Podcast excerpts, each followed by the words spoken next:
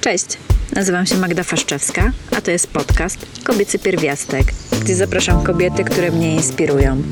Rozmawiamy o sposobach na życie, o tym, co nas karmi, a co osłabia, o naszych pasjach i inspiracjach. To jest kontynuacja serii specjalnej, nagranej w czasie wyjazdu Graficzne Wakacje prowadzonym przez Justynę z Litograf Studio. W dzisiejszym odcinku rozmawiam z Karoliną Kołodziej i Asią Chudzio. Karolina jest założycielką marki Ray Headwear, edukuje o zrównoważonej modzie i projektuje ubiory. Na wakacje graficzne przyjechała, by poszerzyć swój warsztat.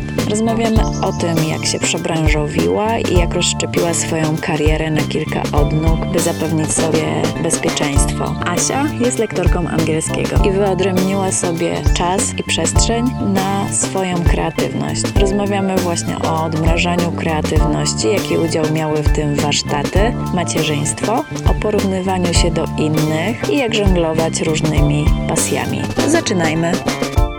Cześć! Super Cię słyszeć w podcaście. Cieszę się, że zgodziłaś się ze mną porozmawiać. Cześć, dziękuję za spontaniczne zaproszenie. Czy mogłabyś na początek powiedzieć coś o sobie, kim jesteś, czym się zajmujesz, e, co Cię tutaj sprowadziło? Nazywam się Karolina Kołodziej i zajmuję się modą zrównoważoną w teorii i w praktyce.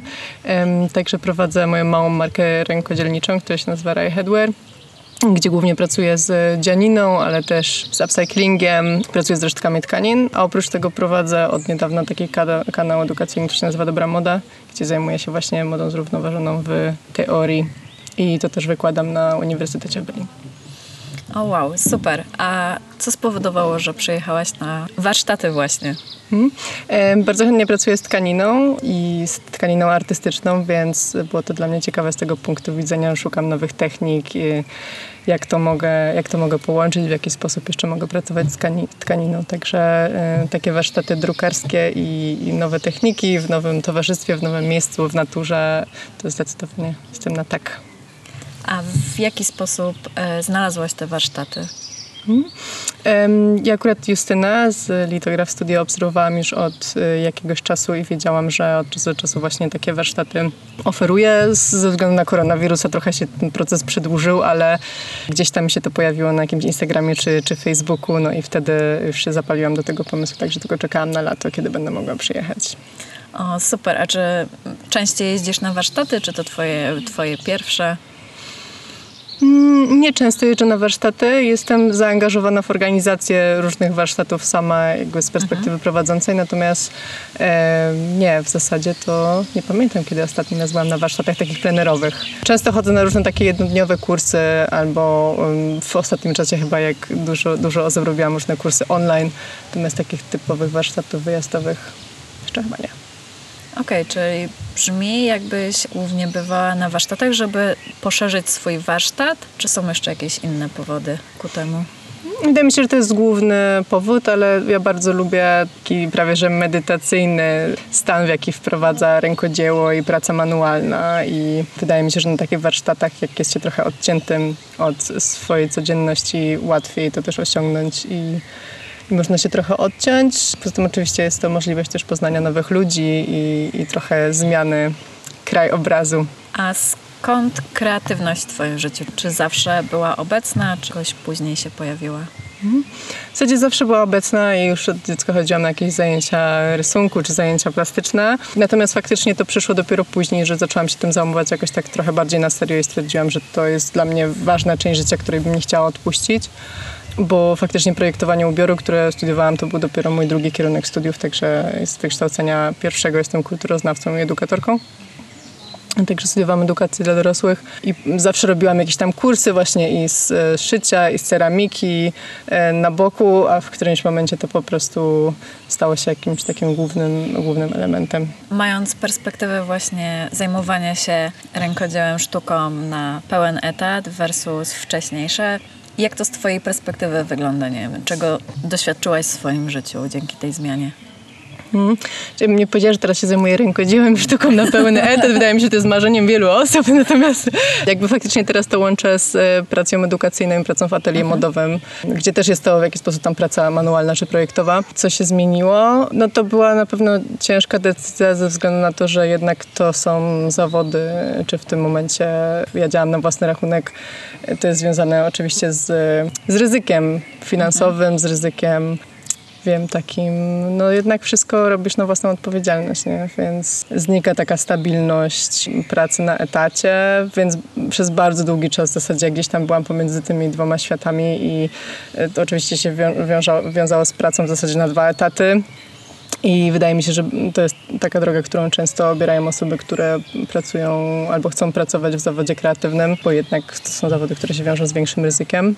I stąd też teraz y, jakby naturalnie wyszła ta ścieżka, że po prostu z uwagi też na moje wcześniejsze studia łączę to z edukacją, więc wydaje mi się, że to jest takie trochę bezpieczniejsze połączenie, że nie tylko zajmuję się kwestią manualną, ale właśnie też po prostu teorią i, jakoś przekazywaniem wiedzy. O, no to jest super fajny właśnie pomysł, bo tak, myślę, że wiele osób marzy o pracy kreatywnej na własny rachunek, ale zgadzam się, to brzmi super ryzykownie i że właśnie pomysł na to, żeby znaleźć takie dwie nogi daje dużo stabilności. Powiedziałaś też, że prowadzisz i organizujesz jakieś warsztaty. Mhm, tak, zgadza się. E, z czego? E, Pracuję już od kilku lat z niemiecką komisją do spraw UNESCO. Kiedyś tam byłam wolontariuszką i e, byłam przez pół roku w Ekwadorze, pracowałam w Centrum Kultury. I od kiedy wróciłam, rozpoczęłam współpracę z nimi. Dwa razy w roku organizujemy warsztaty właśnie dla wolontariuszy albo wyjeżdżających, albo powracających. W zasadzie z całego świata, bo E, To jest taki wolontariat, który się wiąże z pracą w niemieckich instytucjach rozsianych po całym świecie. I oni mają takie warsztaty przygotowujące em, z, tematyka to edukacja globalna, postkolonializm.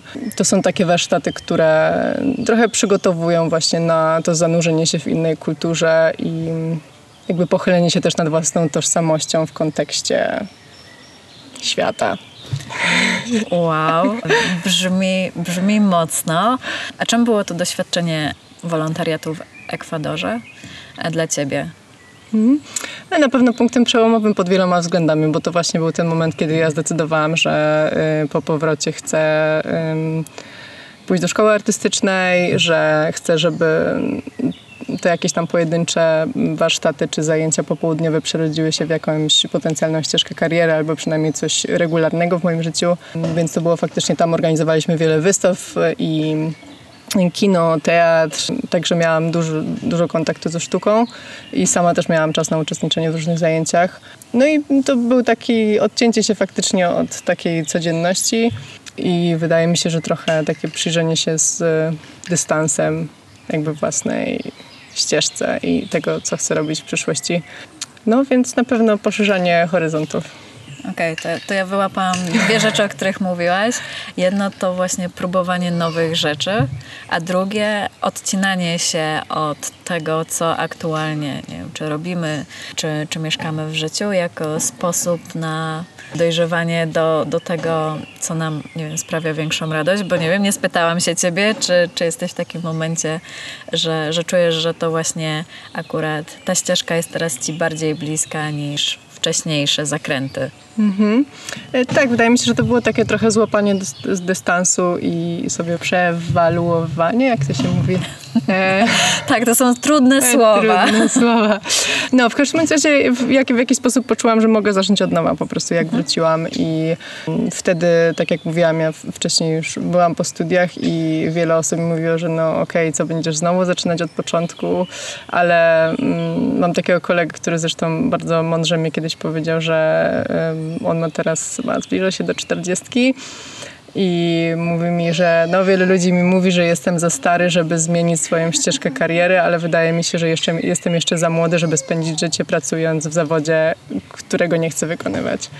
I to też bardzo do mnie trafia, bo wydaje mi się, że wiele osób sobie tak myśli, że jakby zainwestowaliśmy ileś tam czasu, energii, pieniędzy w jakiś określony zawód i później i wydaje mi się, że to jest naturalna kolej życia. Ja pracowałam przez 10 lat w turystyce i jakby uważam, że to też jest e, fajny zawód, natomiast gdzieś tam pojawił się taki przesyt i wydaje mi się, że fajnie sobie dać taką możliwość i szansę. To się oczywiście wiąże z ciężką pracą, bo wydaje mi się, że w większości wypadków, jak już nie mamy takiego komfortu, że możemy mieszkać u rodziców i że ktoś tam nam dokłada albo w, w obiad stoi na stole, e, no to oczywiście to nie jest łatwa droga, ale wydaje mi się, że warto, bo jednak to daje jakąś szerszą perspektywę i, i mamy jeszcze czas na poznanie większej ilości ścieżek zawodowych. Wydaje mi się, że nie trzeba się koniecznie fiksować na jednym zawodzie, jeśli on do nas nie trafia, albo jeśli coś się w międzyczasie zmieniło w naszym postrzeganiu rzeczywistości. Ja się bardzo z tym zgadzam, chociaż uparcie e, trwam w jednym zawodzie,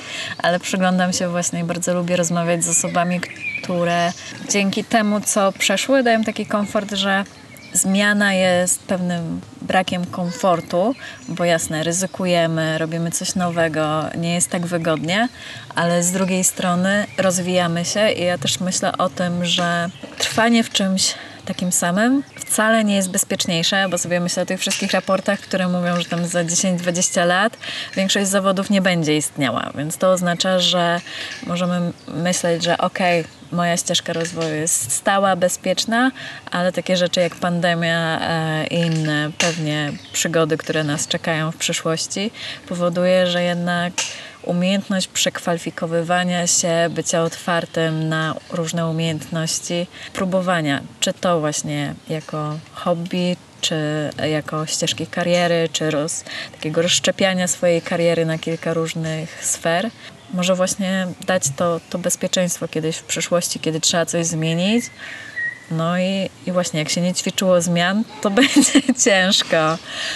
Dobrze, a takie pytanie, co byś poradziła komuś, kto właśnie tak się zbiera do tego, żeby spróbować, czy to z kreatywnością, czy z jakimiś warsztatami, ale z jakichś powodów nie może się zebrać?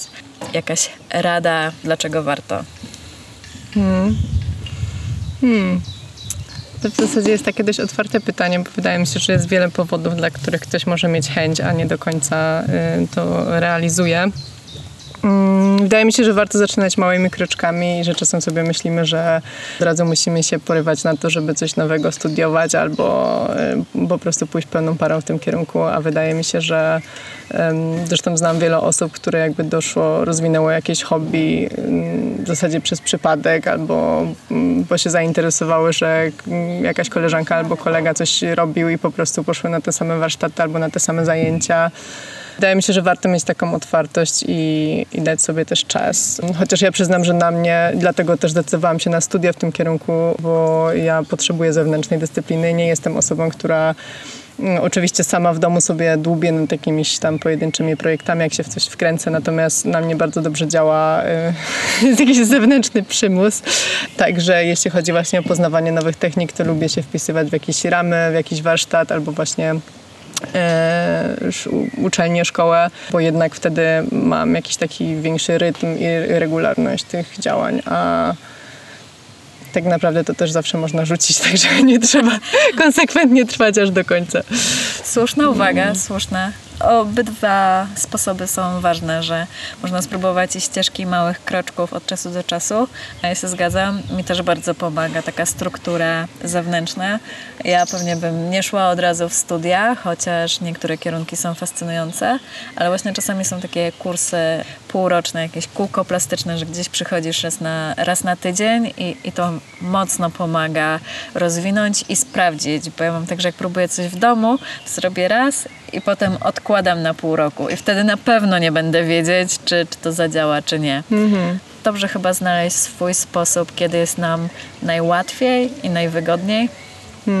Tak, wydaje mi się, że każdy ma swoją ścieżkę i, i jakby są dużo jest czynników zewnętrznych, które mogą nas w jakiś sposób ograniczać, więc też trudno e, tak mówić. Wydaje mi się, że to zupełnie inaczej wygląda, jeśli e, rodzina ma dzieci i jakby to się staje priorytetem, bo wtedy wiadomo, że wszystko jest jakoś temu podporządkowane. Jeśli ktoś też pracuje z pasją na pełny etat, jakby inaczej się rozkładają te pokłady energetyczne. Ale Taki był mój sposób, przynajmniej tyle mogę powiedzieć. Mnie bardzo rozwija słysząc, jak inni opowiadają o swoich sposobach, bo właśnie czasami ciężej jest coś wymyślić. Ja wiem, że niektórzy mają taką łatwość. Mnie jest łatwiej coś podsłuchać i to jest mój sposób, jak znajdować swoją własną ścieżkę. Więc dziękuję Ci bardzo, że się podzieliłaś swoimi sposobami i swoją historią. I mam nadzieję, że do usłyszenia. Dziękuję Ci bardzo. A teraz przejdźmy do rozmowy z Asią. Cześć Asia. Cześć. Miło mi Cię gościć w odcinku specjalnym Kobiecego Pierwiastka. Czy mogłabyś opowiedzieć naszym słuchaczom o tym, kim jesteś, czym się zajmujesz i jak tu trafiłaś? Pewnie, że mogę, choć bardzo tego pytania nie lubię. Zawsze się zastanawiam, co odpowiedzieć. I e, no to zacznę od formalności, że em, jestem z Wrocławia i e, zawodowo za, e, jestem lektorką języka angielskiego. Pomagam dorosłym w mocowaniu się z barierą językową, uruchamiam ich i pomagam im się rozgadywać biznesowo głównie, ale od wielu lat właściwie szukam też ścieżek alternatywnych, bo zawsze czułam się artystycznym duchem, uwielbiam słowo, więc duchem piszącym. Także manualnie od kilku lat się na nowo uruchamiam i stąd tutaj ja. E, To, jest Twój pierwszy wyjazd taki warsztatowy, czy już wcześniej gdzieś jeździłaś? Y, Byłam już raz z Justyną. Dwa lata temu właśnie poznałam Justynę w Pieszowoli i to był doskonale cudowny czas. Ja wtedy pierwszy raz wyjechałam od mojej wtedy trzyletniej córki. Znaczy nie, że wyjechałam pierwszy raz od niej, ale aż na tydzień, że bez rodziny, że sama ze sobą. Odkrywałam na nowo swoje granice. Tak, testowałam się w różnych innych y, rolach niż bycie mamą, lektorką, zabiegańcem, ale jakby warsztaty u Justyny też nie były pierwszym krokiem, bo y, pierwszym krokiem do jakby działania manualnie, tworzenia, rysowania, to jak moja córka skończyła półtora roku, we Wrocławiu znalazłam sobie kurs y, plastyczny dla dorosłych i tam dojeżdżałam. I to była Twoja takie pierwsze na poważnie podejście właśnie do, do czegoś kreatywnego. Wcześniej, nie wiem, w dzieciństwie czy, czy w szkole też robiłaś coś podobnego. W dzieciństwie jak najbardziej. Miałam, pamiętam, całe ściany wywieszone swoimi pracami. Yy, Też zawsze pisałam. Pamiętam, że mm, ym, pisałam pamiętniki, opowiadania, lubiłam prace klasowe. To wszystkim wydawało się dziwne, ale ja czasami z ekscytacji spać nie mogłam, że będę coś pisać w szkole. Yy, Później to na długo mm, sobie zamroziłam. Mm, Trochę to wynikało z tego, że moi rodzice, inżynierowie, twierdzili, że trzeba mieć y, konkretny zawód, że to to tak może gdzieś kiedyś. I chyba najpierw się pisarsko odmrażałam. Po latach, to chyba było gdzieś 12 lat temu, próbowałam dać ujście emocjom i Y, I wtedy zaczęłam y, eksperymentować z kursami kreatywnego pisania, jakieś właśnie próbki swoje, wysyłanie pracy na, pracy na konkursy. Czułam, że ta twórcza energia mnie ożywia i że ja w tym kierunku potrzebuję iść. A pamiętasz takie początki? Bo mi one się wydają strasznie trudne, kiedy się długo czegoś nie robi. E, to, to potem jest trochę to bolesne, że to nie idzie tak łatwo, tak przyjemnie na samym początku. Jak ja próbowałam zacząć pisać, to może pierwszy zryw był fajny, a potem już chciałam być, nie wiem, e, dwa lata później, kiedy po prostu piszę i spod moich e, palców wyskakują piękne Idealne słowo. Dokładnie. E, że piszę jak to Karczok oczywiście e, i dostaję Nagrodę Nobla. Tak. Jak to było u ciebie? U mnie to przyszło kilka lat później, jak, bo najpierw miałam, że tak, zaczęłam pisać ponownie w kryzysie. Miałam w sobie dużo emocji trudnych, z którymi jakby musiałam sobie jakoś poradzić. I ja pamiętam właśnie te pierwsze próby pisarskie, to, jest, to było tak jakby po prostu odkrywałam na nowo siebie i wyrzucałam z siebie słowa i one szły w świat i to było lekkie, cudowne, przyjemne. E, A potem się zaczęło pod górę, bo jakby to podwyższanie poprzeczki szło z czasem. I tak, i potem jak e, jeszcze porównywanie się z innymi, bo po kursach e, ma się jakąś grupę, która przeszła przez podobny proces i się okazuje, a ten już wydaje książkę, a ten jest w czterech antologiach, a ja to dopiero to i to. Mm, I zablokowałam się do tego stopnia, że był moment, że przestałam w ogóle pisać na przykład. O, No. to, to ciekawe. I potem jak z tego wyszłaś? Bo też mi się wydaje, że to jest takie bardzo, bardzo typowe i bardzo łatwe, że z jednej strony jest fajnie mieć grupę, z którą odkrywasz, dzielisz się tą kreatywnością, ale jest bardzo trudno się nie porównywać, więc To jest chyba niemożliwe. Y, Ja cały czas wychodzę z tego procesu. Jeśli chodzi o pisanie, to ja myślę, że to jest cały czas droga. Y, odblo- i- znaczy odblokowywanie się jest procesem, w którym cały czas jestem. Co mi pomogło, to moja córka, bo jak y, osiągnęła pewien wiek, zapragnęła, żeby mama jej opowiadała różne historie, a ja wtedy czułam, że mam gotowość, żeby coś dla niej zacząć tworzyć. A historie dla dzieci chyba nie wywierałam na siebie aż takiej presji. a, to fajnie. Bo czy możesz mi przypomnieć, ty napisałaś trzy powieści już? Nie, napisałam dwie powieści, które są w szufladzie. Y, żadnej powieści tak naprawdę nie wydałam. To właśnie zawsze gdzieś był ten moment, kiedy moje ambicje, moja poprzeczka, że to nigdy nie będzie wystarczająco dobre. I chyba bycie rodzicem mnie tak jakby trochę rozmiękcza.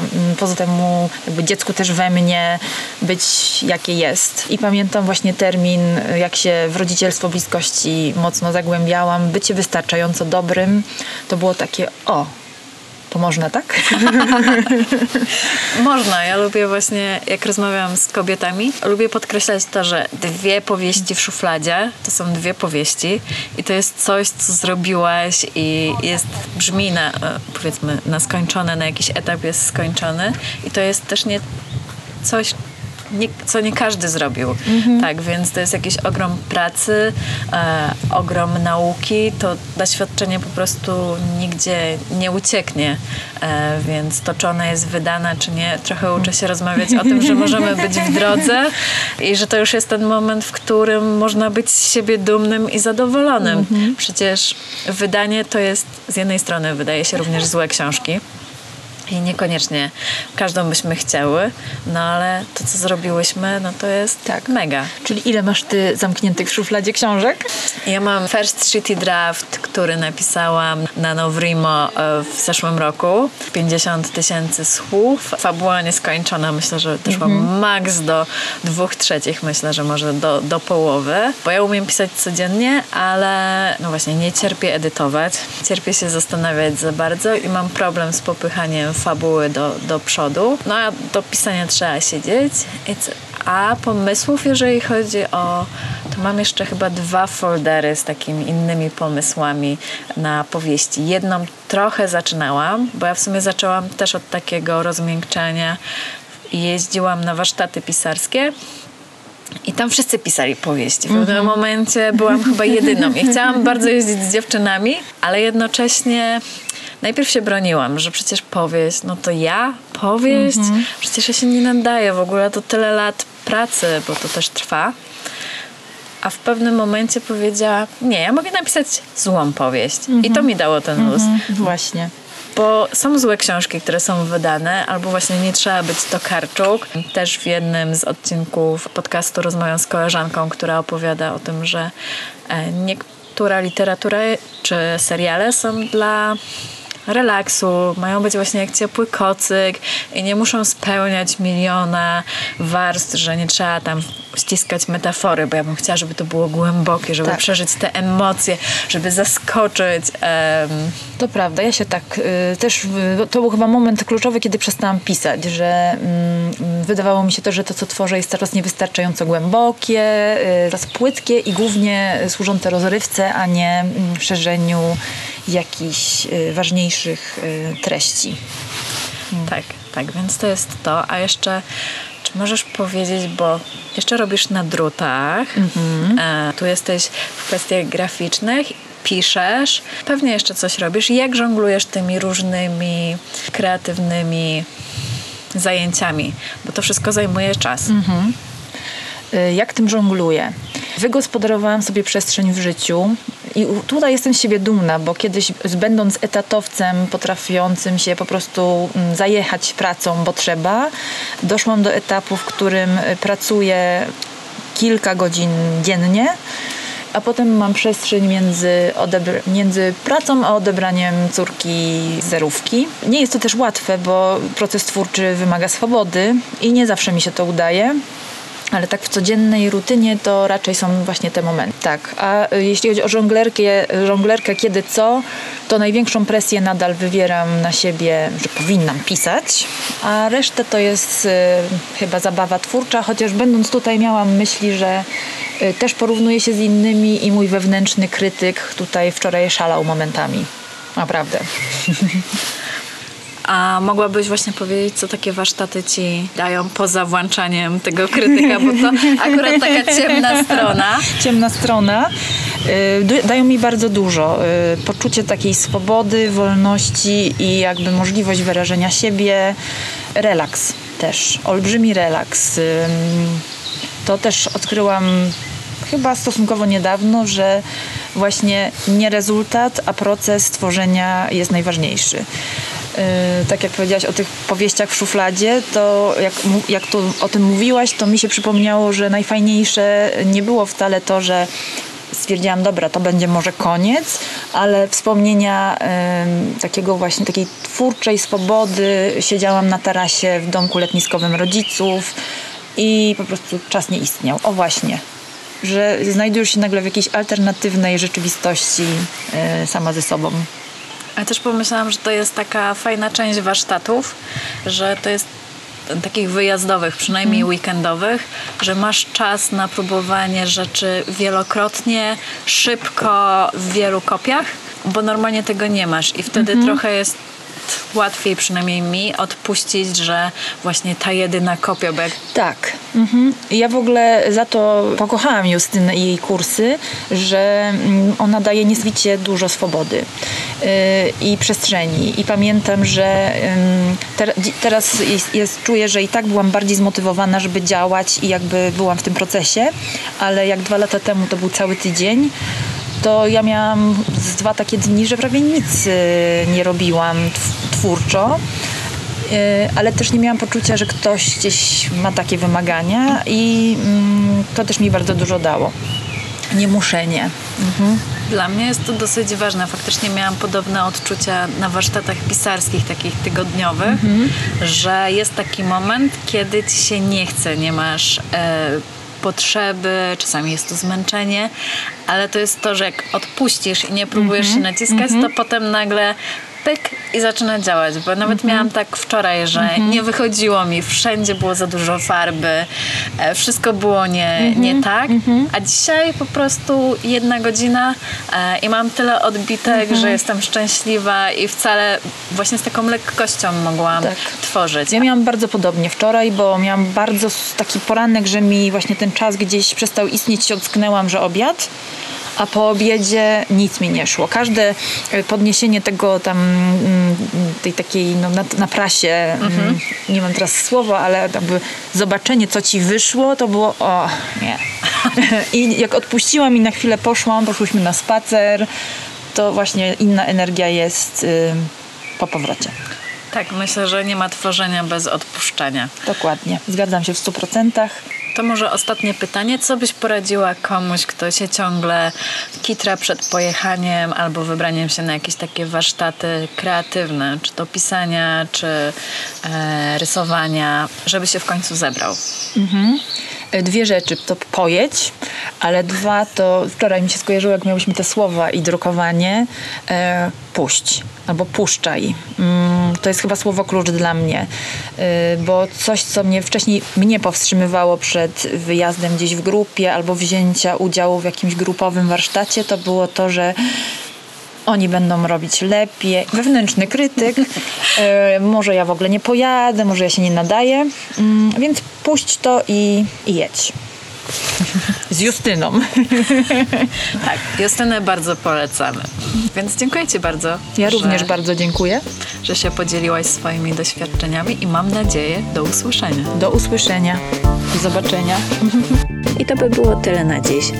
To już ostatni odcinek z serii o graficznych wakacjach. Dajcie znać, jak Wam się podobało. Linki do miejsc w sieci, gdzie można znaleźć dziewczyny, znajdziecie na kobiecypierwiastek.pl. Obserwujcie też Kobiecy Pierwiastek na Instagramie.